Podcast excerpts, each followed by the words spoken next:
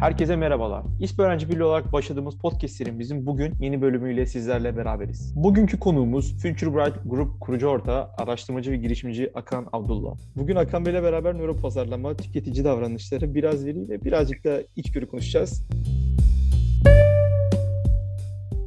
Akan Bey hoş geldiniz. Nasılsınız? Hoş bulduk. Çok teşekkür ederim. Gayet iyi Muhammed Bey. Öncelikle beni davet ettiğiniz için de çok teşekkür ederim. Öyle demek Hakan Bey. Bizler teşekkür ederiz bu yoğun zaman dilimiz arasında yayınımıza katıldığınız için. İsterseniz yavaştan ben soruları geçebilirim ama hani ilk olarak ben bir girişte sizleri tanımladım. Ama sizleri tanımak için mesleki açıdan birçok kelime duydum. E, bunların arasında reklamcılığın buzdan üstündeki kısmı, pazarlama uzmanı, analist, araştırmacı, stratejist gibi ifadeler vardı. Her şey ama hiçbir şey. Yani Hatta artık belki de yazar olarak da anıldığınızı söyleyebilirim. Çünkü bir Vallahi en çok anılmak istediğim Muhammed Bey istediğim şey o bu arada. Yani bu Türkiye'de zaten durumlar böyle kimse yaptığı yaptığı işi sevmiyor. Ben de edebiyatçı olmak istiyorum. İlk kitabımı e, yazdım ama teknoloji kitabı yazdım. Çok da iyi sattı ama aslında ben e, edebiyat kitabı yazmak istiyorum. E, Ocak dedim geç Ocak yapamadım. Şubat itibariyle bir roman yazmaya başlayacağım. İnşallah romancı olmak istiyorum. Edebiyatçı olmak istiyorum. Bu kadar meslek tanımlarımın yanında en çok olmak istediğim şey aslında edebiyat. Ama gerçekten ne yapıyor? Şöyle söyleyeyim. Hı-hı. Gerçekten aslında Future Bright Group tabii ben bir veri ve veri teknolojileri uzmanıyım. İşim aslında e, veri okumak. Eskiden çok veri yoktu. Verinin kendisi çok değerliydi. Şimdi her yer veri her yer iz, her yerde iz bırakıyoruz ve bu anlamda e, çok fazla veri var. Benim işim o verinin arkasındaki o tansiyonu bir e, içgörüye döndürmek. Yani bir tüketicinin dahi kendisinin farkında olmadığı bir gerçeğini bulmak ve onu pazarlama fikrine döndürmek. En temelde yaptığım iş bu. Future Bright Group 7 şirketten oluşan bir grup ve şirketlerin hepsi farklı işler yapıyorlar ama hepsinin temelinde yatay kesen duygusu aslında temelde verinin kendisi ama veriye farklı şekilde bakıyorlar. Bir kısmı daha büyük veriye bakıyor, bir kısmı daha derin bilinç dışı veriye bakıyor ama temelde yaptığımız iş veri ve veri teknolojileri geliştirmek. Anladım. Çok teşekkür ediyorum. Aslında ilk sorumu da bu ölçüde cevaplamış oldunuz. Ben de şöyle bir soruna devam etmek istiyorum Hakan Bey.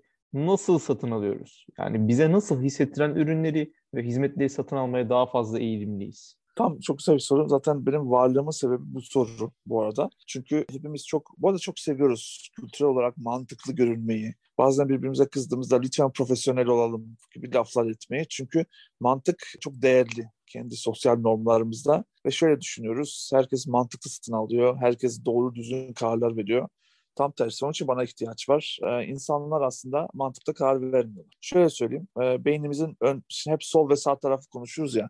Rasyonel ve duygusal. E, öyle bir şey yok aslında beynimizin ön ve arka tarafını konuşuyor olmamız lazım. Beynimizin ön tarafında bu övdüğümüz, övünmeyi sevdiğimiz bütün o mantık, simülasyon her şey beynimizin ön tarafında. Beynimizin arka tarafta, kafamızın arka tarafında ise duygusal zekamız var. Ve orası tamamıyla böyle duygusal kısa yollar üzerinden karar veriyor ve e, çoğunlukla da hata yapıyor. Şimdi e, eğer biz gerçekten istediğimiz gibi, tercih ettiğimiz gibi mantıklı karar verebilecek durumda olsaydık hep beynimizin ön tarafından karar verirdik ama bir günün içinde ya da bunu şey gibi düşünebilirsiniz ömrümüzün tümünde kararlarımızın yüzde 95'i beynimizin arka tarafından veriliyor. Yüzde 5'i ön taraftan. Dolayısıyla insan dediğimiz e, varlık tamamıyla duygularıyla karar veriyor. Ve bu duygular da bilinç dışında bir yerlerde, bunun motivasyonları bilinç dışında bir yerlerde gizli. İşte bilinç dışı isminden de anlaşılacağı üzere karşımızdaki kişi neden böyle bir karar verdiğini kendi dahi bilmiyor. Biz onu çok zorladığımızda bize bir şey tabii ki söyler. Yani zorlarız söyler ama kendisi de farkında olmadığı şeyi doğru mu söylüyor söylemiyor mu kimse emin olamaz. Dolayısıyla benim işim o veriler içinde gerçek bilin dışındaki motivasyonu bulmak. O beynin arka tarafındaki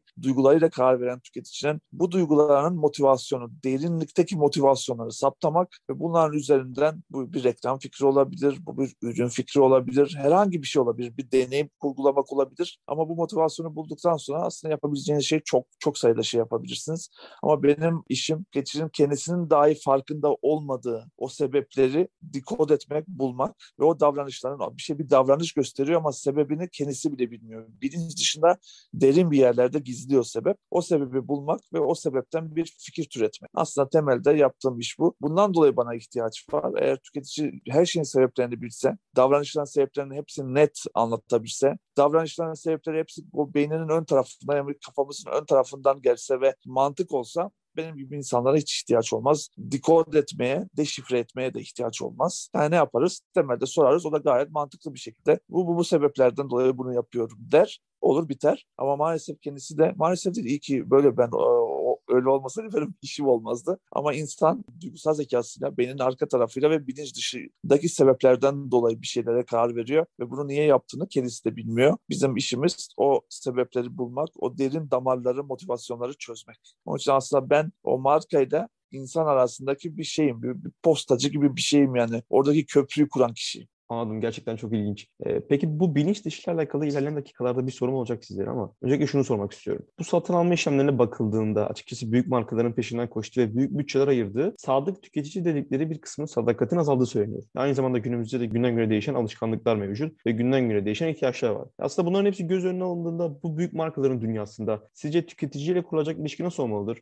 Ya valla şöyle söyleyeyim e, Muhammed Bey zaten pazarlama bile bugün akıllı tüketici diye bir tanım koyuyor ve akıllı tüketici nedir diye sorduğumuzda her yere bakan, her şeyi her şeyle karşılaştıran tüketici yani sadık olmayana biz akıllı diyoruz. E o zaman sadık olan tüketiciye ne diyoruz diye bir soru sormak lazım. Şimdi onun adını koyalım. Dolayısıyla evet e, şöyle söyleyebilirim örnek verip güzel bir soru bu. Artık tüketiciler eskiden biraz daha sadıktılar ama böyle olmalarının sebebi şey vardı az marka vardı yani arz azdı talep çoktu. E, matematik değişti dünyada şimdi arz çok talep az ve böyle bir dünyanın e, içinde sadakat oyunu oynamak birazcık daha zor. Eskiden çünkü 3-4 marka varsa bir kategoride mecburen sadık oluyordunuz. Hatta şöyle bir örnek vereyim. Neyi kastediyorum? Bankacılık dünyada bu bir data. Bankacılık sektöründen memnun değilim, hiç memnun değilim diyenlerin oranı %4 ile %6 arasında. Her an bankamı değiştirebilirim diyenlerin oranı %26. Yani tüketiciler şunu demiş oluyorlar. Biz memnun olsak da değiştiririz. Fark etmez. Bak hiç memnun değilim diyen sadece %4 ama her an gidebilirim diyenler %26. Dolayısıyla şunu gösteriyor bu durum. Artık sadık tüketici bu yeni dünyada özellikle biz şunu söylüyoruz. Bu kadar her şeyin resetlendiği, çok hızlı şekilde fikir değiştirdiğimiz, her taraftan bir bilgi bombardımana uğradığımız bir dünyada sadık tüketici bulmak gittikçe daha zor olacak. İnsanlar aslında her şeyi her şeyle karşılaştırır. Bilinç dışında tabii ki belli başlı motivasyonları devreye koyaraktan çok hızlı şekilde ürün değiştirebilecekler. Çok hızlı şekilde başka markalara geçebilecekler. Dolayısıyla ben şunu söylüyorum. Yeni dünyada aslında tüketici sadakati aramak birazcık zor. Yapmamız gereken tüketiciyle tüketicinin bize gelmesini sağlamak için keskin bir ilişki yaratmak. Yani net bir ilişki yaratmak. Neyi kastediyorum? Şöyle bir örnek vereceğim. Migros'la BİM'i vereceğim. Bugün biliyorsunuz BİM Migros'un 5 katı büyüklüğünde ve bir sürü Migros'un müşteri profili BİM'e de gidiyor. Gitmesinin nedeni şu. Migros mesela her şeyi söylüyor. İşte şeyden bahsediyor. iyi gelecek, öyle gelecek. Her türlü iletişimler yapıyor. Tamamıyla sadakat yaratmaya çalışıyor. Kampanyalar yapıyor. BİM ise çok keskin bir ilişki kuruyor ve diyor ki ya ben depo gibi bir şeyim geldiğinde ben depo gibi bir yerden alışveriş yapmış olursun ve çok keskin ve bir net ilişki kuruyor müşterisiyle. Hiç kafa karıştırmıyor. Hiç. Yani oraya girdiğinizde iki çalışan görürsünüz. Her şey depo gibidir. Her şey üst üste konmuştur. Ve siz oraya girdiğinizde sanki böyle bir depodan, fabrikadan, toptan bir yerden alışveriş yapıyormuşsunuz gibi hissedersiniz. Ve BİM bunun matematiğini hiç değiştirmez. Ve bundan dolayı çok keskindir. BİM dediğinde geçin beyninde de oluşacak imgeler ve kurumlamalar o kadar nettir ki o keskin ilişkiden dolayı BİM sürekli büyümeye devam eder. Onun için biz de şunu söylüyoruz. Artık sadakat oyunu oynamak, sadece imajlar üzerinden, algılar üzerinden bir markayı taşımak çok zor. Artık tüketicinin sürekli bir şey değiştirmek istedi. Hatta şunu diyoruz ya artık tüketicinin hafızası balık hafızasından bile düşük. Hepimiz bir Instagram dünyasına döndük. Hep parmağımızla bir şeyi değiştirmeye o kadar odaklanmış durumdayız ki bu kadar hızlı resetlenen, bu kadar hızlı fikrini değiştiren, bu kadar hızlı içerik tüketen insanlara böyle bir büyük kavramlar üzerinden sadakat mesajları vermek yerine keskin bir yerde durmak ve bu konumunu hiç değiştirmemek ama tabii ki bu konumun doğru olması şartıyla aslında bu dönemde daha iyi bir şey. Çünkü ne kadar net ilişki kurarsanız o kadar o tüketici net olduğu yere yeniden gelir. Onun için sadakat oyunu, imaj oyunu oynamak yerine bizim önerimiz bu anlamda olabildiğince keskin olmak ve olabildiğince buradaki o ilişkiyi, tüketiciyle kurduğumuz ilişkiyi net tutabilmek. BİM'in ilişkisi tamamıyla depo içinden alışveriş yapar gibi hissedersin duygusunu vermek ve bunu hiç değiştirmemek. Anladım. Ay aslında günlük hayatta bu kadar iç içe olduğumuz kavramları da bu denli duymak çok ilginç geliyor. Aynen yani, öyle. Bir de aslında bu satın alma davranışlarımızı etkileyen bir takım pazarlamalar ve bunların dayanında çok ciddi bir veri büyüklüğü var. Aslında sizlerin de yaptığı iş bu noktada bu. İlk soruda da bahsetmiştiniz zaten. Yıllar önce veriye ulaşmak zorken aslında şimdi markalar çok fazla veri içerisinde kayboluyor ve bu oluyor. Bu noktada aslında sizin de yaptığınız şey demin bahsettiğiniz gibi soğuk gibi görünen birçok verinin arkasındaki duyguyu okumak. Peki bunu nasıl yapıyorsunuz? Bize biraz bunu anlatır mısınız? Yani verinin arkasındaki içgörüyü nasıl görüyor ve stratejiyi nasıl çiziyorsunuz? Valla şöyle bir kere güzel tanımladınız. İşte biz ona hatta eskiden veri yok şimdi veri çöplüğü içinde izliyoruz. Yani o kadar çok büyük veri var ki hatta her şeyin her şeyle çeliştiği veriler de var. Dolayısıyla doğru damarı yakalamak bu anlamda hayli kritik. Onun için duygusal zeka ile karar veren tüketicinin aslında temelde duygusuna ulaşmak e, gerekiyor. Peki duygu, biz buna bu arada içgörü deriz. Ne demek içgörü? Az evvel söylediğim gibi bilinç dışında tüketicinin de farkında olmadığı o motivasyonu bulmak. Peki ne yapmamız gerekiyor? Şimdi biz bir kere ben şunu söylerim hep. İçgörü dediğimiz, o duygu dediğimizi onu doğru yakalamak, o datanın içindeki doğru damarı çekmek için gerçekten bir kere kültürünüzle, insanınızla, çünkü içgörü dediğiniz çok şey çok kibirli şeydir. Onun yaşadığı yere gitmeniz gerekir. O oturduğunuz plazaya gelmez, ofisinize gelmez. O yüzden o tüketiciyi, o içgörü çekmeniz gereken o insan topluluğunu, o öbeği çok iyi tanımanız gerekir. Onun için o nerede yaşıyorsa, o nerede iz bırakıyorsa sizin de orada olmanız gerekir. Eğer hedef kitleniz otobüs duraklarında otobüs bekliyorsa sizin de otobüs durağında otobüs bekliyor olmanız gerekiyor. Yani oturduğunuz yerden ona şöyle söyleyeyim tam olarak hayata balkondan bakamazsınız. Yani balkondan bakarak o insanları da anlayamazsınız. O insanlar nerelerdeyse o nerelerde yaşıyorlarsa, nerelerde iz bırakıyorlarsa sizin de mutlaka buralarda olmanız gerekir. Onun için ne yaparız biz aslında? Bunun tabii ki daha e, gelişmiş teknolojik şeyleri de var ama onları yapmadan önce gözlemleriz, görüşürüz, gittikleri yerlerde bulunuruz, o bindikleri otobüslere bineriz, alışveriş yaptıkları pazarlara ineriz, evlere gireriz, gözlemleriz ve bu hayatın o bir haftalık şeyini çıkartırız. Buna journey deriz, yolculuğunu çıkartırız ve bu yolculuğun içindeki tansiyon noktalarını bulmaya çalışırız. Çünkü bütün değişim aslında o tansiyon noktasına dokunduktan sonra oluyor. Onun için içgörünün bir kere çok kibirli olduğunu bilmek lazım. Bu insanlarla ilgili o büyük datanın içinde sıcak bir şey yakalamak istiyorsanız bu insanların journeylerine, yolculuklarına bakmanız gerekiyor. Hayat yolculuğundan bahsediyorum. O yolculukları çizmeniz ve o yolculuğun içine e, eşlik eşlikçi olmanız ve yol almanız gerekir. Onun için bunun içinde gözlem de var, data okumak da var, ona bıraktıkları şikayet şeylerini de okumak var ama e, hepsinin temelinde tüketiciniz neredeyse sizin de orada olmanızdır. İçgörü dediğim gibi kibirlidir. Ayağına çağırır, size gel- gelmez. Eğer tüketiciniz o öğrenmeye çalıştığınız tansiyon ve tüketici öbeğinin e, hayatını anlayamazsanız, kültürünü anlayamazsanız onunla ilgili o soğuk datanın içinden sıcak bir tansiyon çıkarma ihtimaliniz kalmaz. Zor bir iştir. Yani bayağı bayağı hayata eşlik etmeniz gerekir en özette. evet.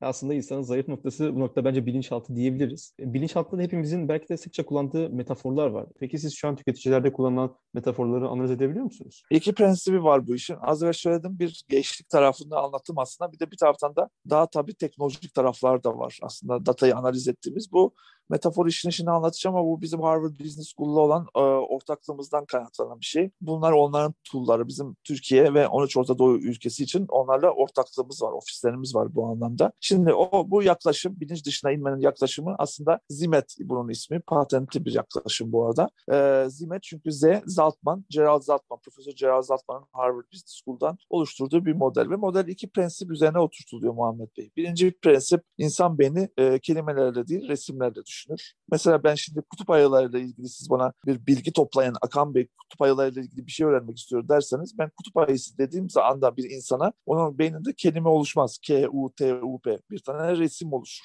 Şu anda sizin beyninizde oluştuğu gibi beyaz bir ayın oluşuyor olması lazım. Çünkü insanlar, insan beyni aslında temelde imgelerle, resimlerle düşünür. Bu birinci prensip. Dolayısıyla içgörü bulmak istiyorsanız bir konuda atıyorum ev hanımlarının bilmem ne temizlik malzemesiyle ilgili bir içgörü bulmak zorundaysanız o temizlik malzemesiyle e, ilgili oluşan resimlere ulaşmanız gerekir. Bu bir. İkinci prensip bu resimleri anlatırken bu insanların söylediklerine bakmak değil. Çünkü çok ezberletilmiş şeyler var. Markalar çok ezberletilmiş sloganlar üretiyorlar. Aslında temelde kullandıkları metaforlara bak. Şöyle düşünün bir soru sordum bir konuyla ilgili. Kutup ayılarıyla ilgili. öyle başladık öyle de bitirmiş olalım.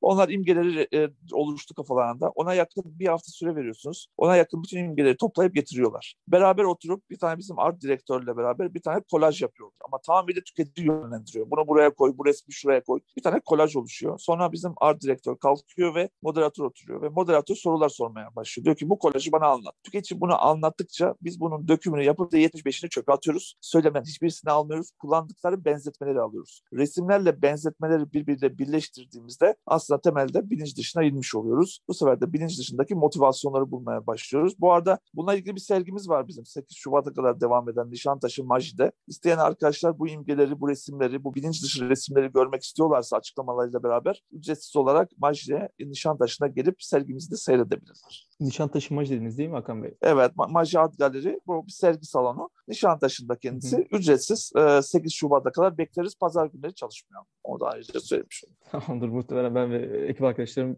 geleceğiz diye tahmin ediyorum. Ben evet, o resimleri görünce ne demeye çalıştığımı anlarsınız. Onlar bilinç dışı imgeler. Hı. Yanında da açıklamalar var. Orada metaforlardan çıkan açıklamalar. E, o imgeleri gördüğünüz zaman zaten e, o beynin o derin ve karanlık tarafına inmiş oluyorsunuz. Anladım. E, aslında ben de gerçekten çok ilginç bulduğum bir husus paylaşmak istiyorum. Bir yerde duymuştum ben de bunu. Bir terapi sırasında bana bu yapılanları hazmedemiyorum diyen aslında bir hastanın da altta yatan aslında huzursuz bağırsak sendromu olması gibi bir durum söz konusuydu. Bunu da bir yerden çok, kulak aşinalığım olmuş. Çok. Aslında bence bu noktada bir örnek olabilir diye bunu söylemek istedim. Çok çok çok böyle örnek var. İnsanlar gerçekten bilinç dışındaki derin sebepler. Onun için mesela bir psikoloğa gittiğimizde annemizden, babamızdan, küçüklüğümüzden başlıyor. Çünkü olabildiğince derine inmesi evet. gerekiyor. Küçük bir olay hayatımız boyunca bizim peşimizi bırakmıyor ama bunun sebebini bilmiyoruz ve bunu dikod etmeye ihtiyacımız var. Onun için mesela psikologlar en derinden başlamak zorunda kalıyorlar. Bir de Hakan Bey açıkçası verilerden bahsetmişken çok merak ediyorum. E, sizler sürekli verilerle iç içe olan biri olarak güncel özellikle pandemi döneminde elinizde olan ilginç verilerden bize birkaç örnekle bahsedebilir misiniz? Şöyle bir tane örnekten bahsedeyim. Kendi başına çok zaten çok enteresan. Biz, biz aynı zamanda resimler topluyoruz. İnsanlara diyoruz ki kendi ruh halini anlatan resim getir. Ve bu resimleri sürekli on binlerce resim topladığımız için her dönem bir şey olduğunda bu resimlerin değişip değişmediğine bakıyoruz. Mesela Covid geldikten sonra resimlerde büyük bir değişim görmeye başladık. İnsanlar kendilerini anlatırken bu arada sembolik fotoğraflar, normal bir fotoğrafını getirmesi yasak. Onu anlatan bir resim getirmesi gerekiyor. Çok sayıda getirilen resimde çocuk resimleri görmeye başladık Muhammed Bey. Hatta masanın altına böyle gizlenmiş çocuklar. Yani yetişkinler kendilerini çocuk gibi anlatmaya başladılar. Bu aslında bilinç dışında ya da şeyde psikolojide regresif e, davranış deniliyor. Bugünü kaldıramadığımız için, bugünden korktuğumuz için aslında çok böyle geçmişe gitmek, mutlu olduğumuz, annemizin kucağında kendimizi güvende hissettiğimiz döneme gitmek. Hatta biz buna anne kordonu efekti dedik. Yani anne kordondan koptuğumuz anda hayata atılıyoruz ya yeniden o kordona birine bağlanma ve kendini güvende hissetme ihtiyacı. Bundan dolayı mesela o dönemde ki aynen öyle oldu. Dedik ki bütün o nostalji şeyleri, nostalji radyoları, nostalji içerikleri, 90'lar bunların hepsinin hype olacağı, yeniden popüler olacağını söylemiştik. Öyle de oldu o kadar hayat meselesine döndü ve o kadar böyle hayatımız riske girdi ki bir anda hepimiz yetişkinliğimizi kaldıramaz ve annelerimizi yardıma çağırır hale gelmiştik. Yani Türkiye e, yetişkinlerin yetişkin olmadığı, kendisini çocuk gibi hissettiği regresif bir döneme girmişti. Mesela bu önemli bulgulardan bir tanesiydi. Anladım. Çok teşekkür ediyorum. Peki aslında sizin de üzerine daha önce çok durduğunuz, benim de sizlerin konuşmalarını dinlediğimde çok sıkça bahsettiğiniz bir kavram vardı. Bu kavram tutum değiştirmeden davranış değiştirmek. Tutum değiştirmeden davranış değiştirmenin çok zahmetli, uzun süren, maliyetli hatta belki de günün sonunda yine garantisi olmayan bir işlem olduğu söyleniyor. Öncelikle şunu sorayım. Tutum değiştirmeden davranış değiştirmek nedir? Ve sizce bunu yapmak mümkün müdür? Mümkünse nasıl yapılır? Bize biraz mümkün tabii. misiniz? Pazarlama e, dünyası hep o az evvel başta anlattığım beynin ön tarafını hep konuşuyor. Hep mantık çerçevesinde okuyor tüketici ve adım adım yürüyor. İşte tutumdan neyi kastediyoruz? Bizle ilgili düşüncelerini değiştirelim tüketicinin, tüketicinin tüketicinin algısını yükseltelim. Bizi severse sonra gider raftan bizi çeker ve bizi satın alır. Oysa ki şu anda az evvel söylediğim gibi biliyoruz ki tüketici öyle beyninin ön tarafından düşünmüyor. Duygularıyla düşünüyor ve hayli yanlış kararlar da verebiliyor ve biz çok mantık mantıksal bir sinsile içinde tüketiciyi ikna etmeye çalışıyoruz. Oysa ki artık tutumu değiştirmeden dahi, şimdi birazdan anlatacağım bir örneğinde tutumu değiştirmeden dahi çok rahatlıkla davranış değiştirebilirsiniz. Yani sizi çok sevmese de ona o ürünü o şeyin içinde, o mağazanın içinde ya da o şeyin içinde, eczanenin içinde satın aldırırsınız. Öyle şeyler yaparsınız, satın aldırırsınız sizi satın aldığından dolayı sevmeye başlar. Yani tersten yürüme. Şöyle bir şey düşün, şöyle bir şey, bir şey anlatayım, bir örnek olarak anlatayım. Tutum ve davranış, davranış nasıl değiştirdiklerini sadece yani satış noktasında. Yamada e, İMİEV diye bir araç üretiyor Mitsubishi. Küçük elektrikli araç. Şeye karşı üretiyorlar. Toyota'nın sedan Prius'una karşı üretiyorlar ve araştırmaya sokuyorlar. Onlar kafalarında Prius'u rakip olarak görüyorlar. Araştırmaya sokuyorlar iki aracı. Tüketici Prius'la karşılaştırdığında İMİEV'i hep daha çok beğeniyor. Ah daha küçük. Ay bu enerji, e, bu elektrikli araç daha az harcar. Bu şehir aracı hepsine daha çok beğeniyor. Sonunda bir soru soruyorlar. Diyorlar ki peki bu çok beğendiğin aracı satın alır mısın? Tüketici diyor ki bilmem ki. Şimdi bu elektrikli araç nasıl alınır? Bu nasıl şarj olur? O anda anlıyorlar ki kendi kafalarında rekabet olarak Prius'u görmüş olabilirler Toyota'yı ama e, tüketicinin kafasında Toyota Prius rekabeti yok. Tüketicinin kafasında zorluk algısı var en büyük rakip zorluk algısı. Şimdi zorluk algısını kırmak için önce şey yapabiliriz. Tutumu değiştirmek için büyük reklamlar ve kampanyalar yapıp şey diyebiliriz. Kolaydır reklamlar yapıp kolaylığı kafaya çakabiliriz. Çok zor tabii ki reklamlarla bunu yapmak. Ya da davranış değiştirebiliriz. Kolaydır kanal üzerinden satıldığı e, mecra üzerinden markaya, markanın algısına yapıştırabiliriz. İkinci yolu seçiyorlar ve ne yapıyorlar biliyor musunuz? Sadece küçük elektriği ev aletleri satan bir yer var Japonya'da. Yamada Denki. Buranın teknosası gibi düşünün. Ama sadece küçük elektrikli ev aletleri satıyor. Bundan dolayı kolay algılanıyor. Çünkü ütü alırsanız ve bozulursa gider yeni ütü alırsınız. Yani intihar etmezsiniz herhalde ütü bozuldu diye. Alıyorlar aracı galerilerden çıkartıp Yamada Denk'in içine yerleştiriyorlar. Tüketici mağazaya girdiğinde yan yana şunları görüyor. Blender, ütü, işte atıyorum işte portakal sıkacağı ve aracı görüyor ve kafasındaki algı şöyle düşüyor, değişiyor. E bu, bu burada satılıyorsa bu da küçük elektrikli ev aletidir. Bu bir araba değildir. Bir hafta içinde 3000 araç sat, e, satıyorlar hiçbir tutum değiştirmeden, kolaylık algısını hiç anlatmadan sadece kolay olan, olarak algılanan bir şeyin yanına aracı koyarak oraya giren tüketicinin davranışı de, değiştirip önce aracı satıyorlar sonra sevdiriyorlar gibi düşünebilirsiniz. Artık e, tüketiciyi tanıdıkça bir mantık silsilesi üzerinden gitmememiz gerektiğini, sadece bizi sevdirmenin, sevenin alacağına inanmıyor olmamız gerekiyor. Bazen hiç sevdirmeden de satın aldırmanın mümkün olduğunu biliyoruz. Hanım çok teşekkür ediyorum. Gerçekten çok ilginç geldi bana verdiğiniz bu bilgi. Peki e, bu anlattıklarınız Hakan Bey sosyal hayatınızda nasıl karşılık buluyor? Çok merak ediyorum çünkü sonuç olarak hepimizin olduğu gibi sizler de bir tüketicisiniz. Hatta Zor. bildiğim kadarıyla iki tane kızınız Zor. var. Alışveriş Öyle, merkezine şey, gidiyorsunuzdur, bir şey oyuncak falan istiyorlardır. Vallahi evet. her şeyi de şifre etmek, pazarlamanın o şeylerini, o küçük oyunlarını hayatta sürekli deşifre etmek. Bir taraftan da işte iki tane kızım var dediğiniz gibi.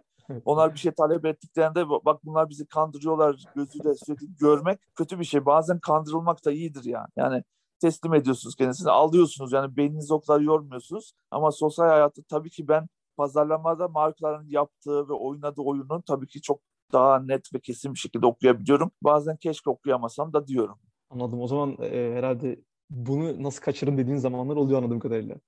Kesinlikle. Bir dakika ama ben bir iki soru da nöro pazarlama hakkında sormak istiyorum. Şimdi nöro pazarlama stratejisi üzerine cinsiyet farklılıklarının etkisi ne yöndedir ve izlenecek yol haritasını etkiler mi? Ne gibi farklılıklar içerir biraz bahsedebilir misiniz? E, ya şöyle e, bununla ilgili çok şeyler var. Konuşanlar var. Mesela Uğur Batı konuşuyor. E, Sinan Canan Hoca konuşuyor. İşte beynin o e, dişi tarafı, erkek tarafı. Ben o kadar şey yapmıyorum. Ben birazcık daha ayrıştırma yerine e, birleştirme tarafına bakıyorum. Onun için kadın beyni erkek beyninden öte tabii ki farklılıklar var ve Sinan Canan Hoca bunu çok güzel anlatıyor. Ama benim işim segmente etmek, ayrıştırmak değil. Çünkü pazarlama için her ayrıştırma bu anlamda pahalı bir operasyon. Yani şu an şu anlama geliyor. Bir kadınlara şöyle bir stratejide gidelim, erkeklere şöyle bir stratejide gidelim ya da şu sosyoekonomik gruba böyle gidelim. Şimdi bu eskiden çok popülerdi pazarlamada. Her şeyi segmentli, her şeyi öbekli yapıyorduk. Ama benim işim ben çok birleştirmeye ve yatay kesen duygulara inanıyorum. Hatta bilinç dışında yeterince derine inebilirseniz insanlığın orada ortak noktalarda buluşacağını görürsünüz.